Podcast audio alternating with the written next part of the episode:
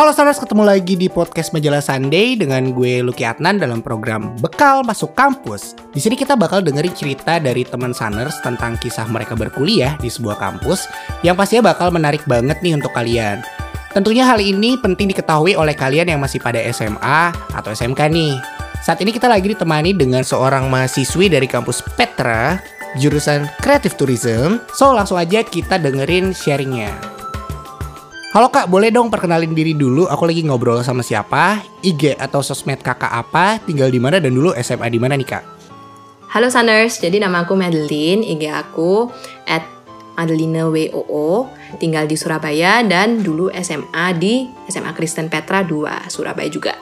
Tapi aku memang dari TK sampai SMA di Petra juga.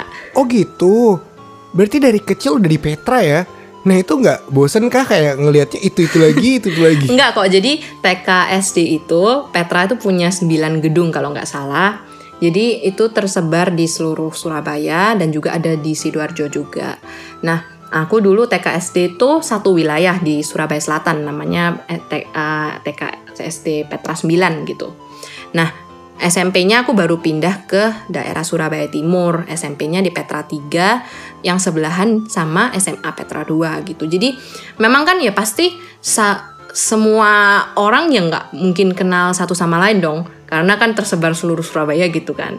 Jadi di SMP pun aku juga ketemu uh, teman-teman baru dari SD misalnya SDA, SDB di seluruh Surabaya gitu. Oh oke. Okay.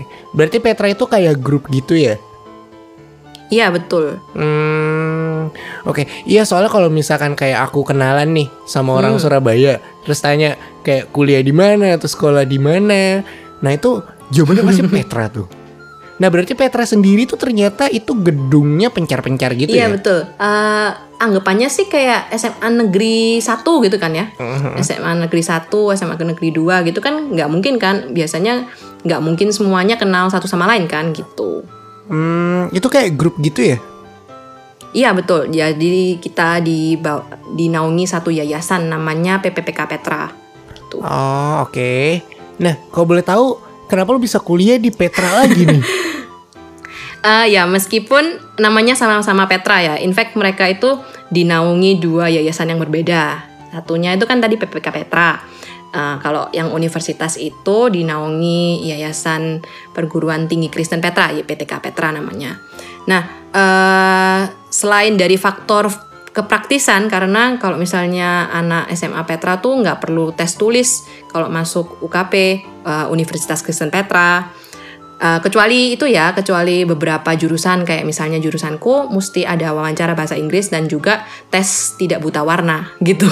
Oh, oke. Okay. Uh, nah, uh, kalau misalnya dari SMA Petra kamu langsung dikasih kayak surat gitu, kamu masuk kategori yang berapa gitu. Karena USPP-nya juga lebih murah kalau jalur kerjasama gitu. Oh, oke. Okay. Nah, itu khusus SMA Petra aja berarti. Uh, nggak semua, nggak nggak juga SMA Petra doang sih. Uh -huh. Ada beberapa SMA di Surabaya yang juga kerjasama sama Petra. Jadi misalnya SMA A juga uh, kalau mau masuk Petra juga bisa jalur kerjasama gitu. USPP-nya lebih murah. Oke. Okay. Nah terus uh, meskipun Petra ini memang bukan pilihan pertamaku, jadi dulu aku mau kuliah di uh, UNER di Universitas Erlangga jurusan sastra Jepang, uh, karena kebanyakan perguruan tinggi swasta kan terima murid baru itu lebih dulu daripada yang negeri kan. Oh, Jadi okay. karena kealasan alasan kepraktisan tadi itu akhirnya ya udah memutuskan di Petra aja karena kalau misalnya aku mau masuk negeri juga itu uh, uang yang udah DP di universitas swasta itu akan sia-sia kan jadi nggak bisa dikepake gitu loh. Banyak teman-temanku yang kasus kayak gitu oh, okay, dan okay. juga orang tua juga nggak setuju jurusan sastra karena masih punya mindset di mana jurusan sastra itu nanti lulusnya cuma jadi guru doang gitu. Meskipun oh. mindsetnya sekarang udah berubah. Oh, gitu. Telat banget. Iya. Oke oke oke. Nah terus terus terus gimana tuh? Ya gitu sih. Uh, terus juga Petra itu ada banyak kerjasama internasional jadi aku memang mau mutusin uh, sebelum aku jadi seorang maba aku udah uh, punya plan gitulah uh, untuk uh, melakukan per iya iya jadi uh, pertukaran pelajar ke luar negeri dan aku ngeliat Petra ini banyak kerjasama internasional gitu loh. Jadi aku kepingin dapat international exposure dari sana gitu. Juga belajar, ya juga belajar bahasa juga. Pas itu aku kebetulan ke Jepang, jadi aku juga belajar bahasa Jepang dan budayanya gitu. Nah, dari alasan-alasan itulah yang mendasari aku dan orang tua memilih Petra. Gitu. Oh, oke. Okay. Nah, kalau boleh tahu Petra itu kan universitas internasional. Nah, di kampusnya sendiri itu wajib bahasa Inggris nggak sih? Betul. Jadi uh, sebetulnya ada persyaratan yudisium itu harus lulus TOEFL. TOEFL itu ya nggak harus yang TOEFL IBT yang mahal itu. Jadi TOEFL PBT pun nggak masalah. Itu harus lebih dari 500 gitu. Semua jurusan. Semua jurusan. Nah, sehari-hari itu berarti harus pakai bahasa Inggris. Oh, enggak, enggak, enggak. Jadi ada memang ada beberapa jurusan yang internasional memang itu uh, per uang SKS-nya lebih mahal jujur. Itu Oh, okay. uh, itu yang harus wajib bahasa Inggris. Hmm. Di luar kelas pun ngomong sama dosen juga harus wajib bahasa Inggris. Di luar kelas?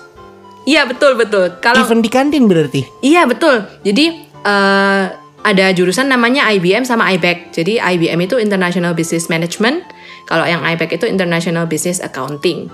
Dua jurusan itu uh, terkenal uh, orangnya dikit karena ya uang SKS-nya mahal banget kalau dibandingin yang lain-lainnya dua kali lipat dari yang lainnya gitu.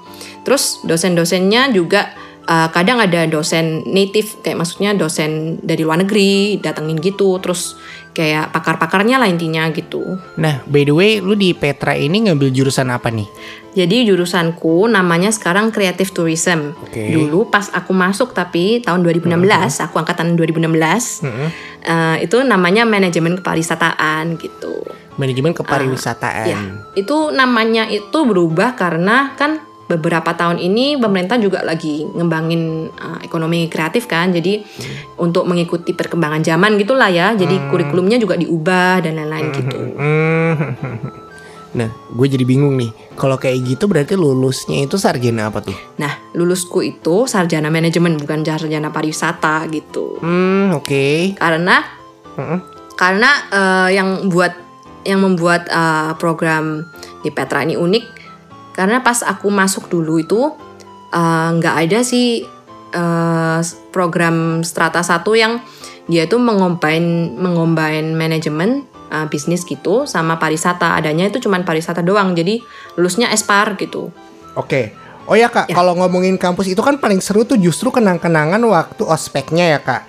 Nah ya, ceritain betul. dong kak waktu ospek tuh kayak gimana sih uh, pertama aku sebelum menjadi seorang maba itu denger tuh banyak cerita dari orang-orang tuh. Kalau misalnya ospek itu hmm. ada yang uh, aku lupa sih ceritanya dari hmm. kampus mana gitu. Katanya cuttingnya tuh nyuruh mabanya minum air kencing.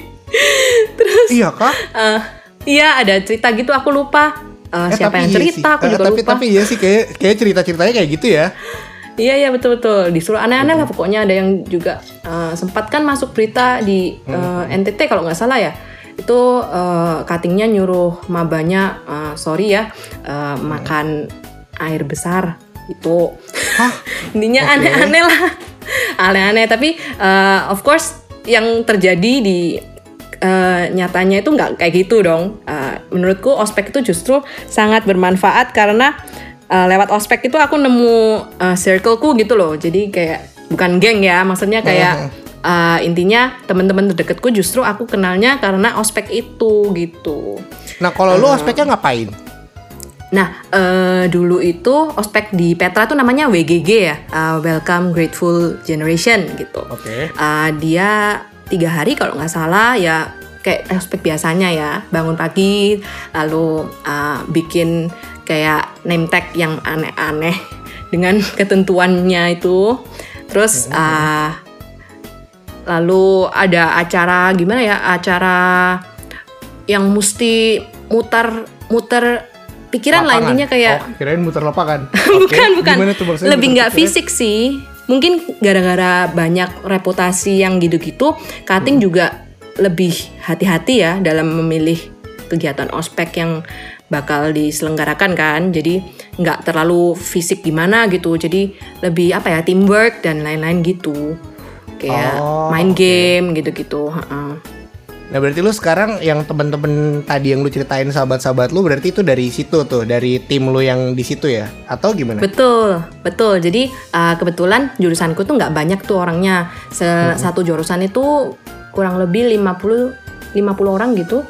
Jadi aku kenal semua sih itu. Kan kurang lebih satu satu kelas waktu SMA kan ya, 50 Mhm. orang. Itu uh, dibagi jadi lima kelompok pas itu. Jadi aku uh, teman deketku kebetulan ada dua. Tuh satunya itu dari kelompok yang sama, terus satunya itu temen temennya temanku yang satu kelompok itu jadi dikenalin Oh oke oke oke oke. btw ini nggak ada di teks nih, tapi gue iseng aja Iya, nih. iya.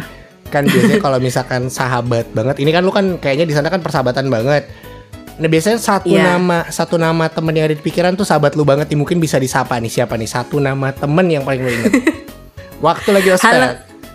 boleh dua nggak Kenapa? Boleh boleh boleh dua nggak salam buat Pinky dan Fanny temanku yang berasal dari Tanjung Selor Kalimantan Utara Dari Kalimantan. betul betul jadi aku justru deketnya sama orang Kalimantan bukan orang Surabaya sendiri Oh alah, dan itu kuliah di Petra. Betul sekarang aku nggak bisa ketemu mereka berdua karena memang kondisi COVID di Surabaya agak parah ya kalau dibandingin sana jadi semoga kita bertemu nanti suatu hari ya Oh iya ya pasti kan harapannya waktu lagi ospeknya kan lu bisa wisuda bareng-bareng kan ternyata ternyata Betul. online deh. Dan aku kan uh, lulusnya 9 semester kebetulan. Uh, uh, Uh, molor satu tahun karena ada tu- pertukaran pelajar dulu. Itu kita tuh uh, sempat uh, apa ya bahasanya? Uh, canda bercanda gitu loh satu sama lain kayak ayo molor-molor bareng-bareng gitu. Terus ternyata Hmm. betulan kita bertiga itu lulusnya 9 semester gitu. Oh, Tapi ternyata Uh, nggak bisa ketemu. Oh oke oke oke oke. Berarti seru banget ya. iya. Jadi kangen deh. Oh ya kak waktu semester 1 tuh mata kuliah yang paling lu inget apa tuh kan biasanya ada mata kuliah yang paling diinget nih. Uh, menurutku sih makro sama mikroekonomi karena aku paling nggak suka. Halo teman-teman Saner, sorry banget podcast ini harus dibagi menjadi dua part nih. Jadi buat kalian yang masih penasaran sama ceritanya Kak Madeline, kalian bisa langsung cek aja part 2-nya tentunya di Spotify Majalah Sunday. Aku Luki Adnan, sampai ketemu di part selanjutnya ya. Bye-bye.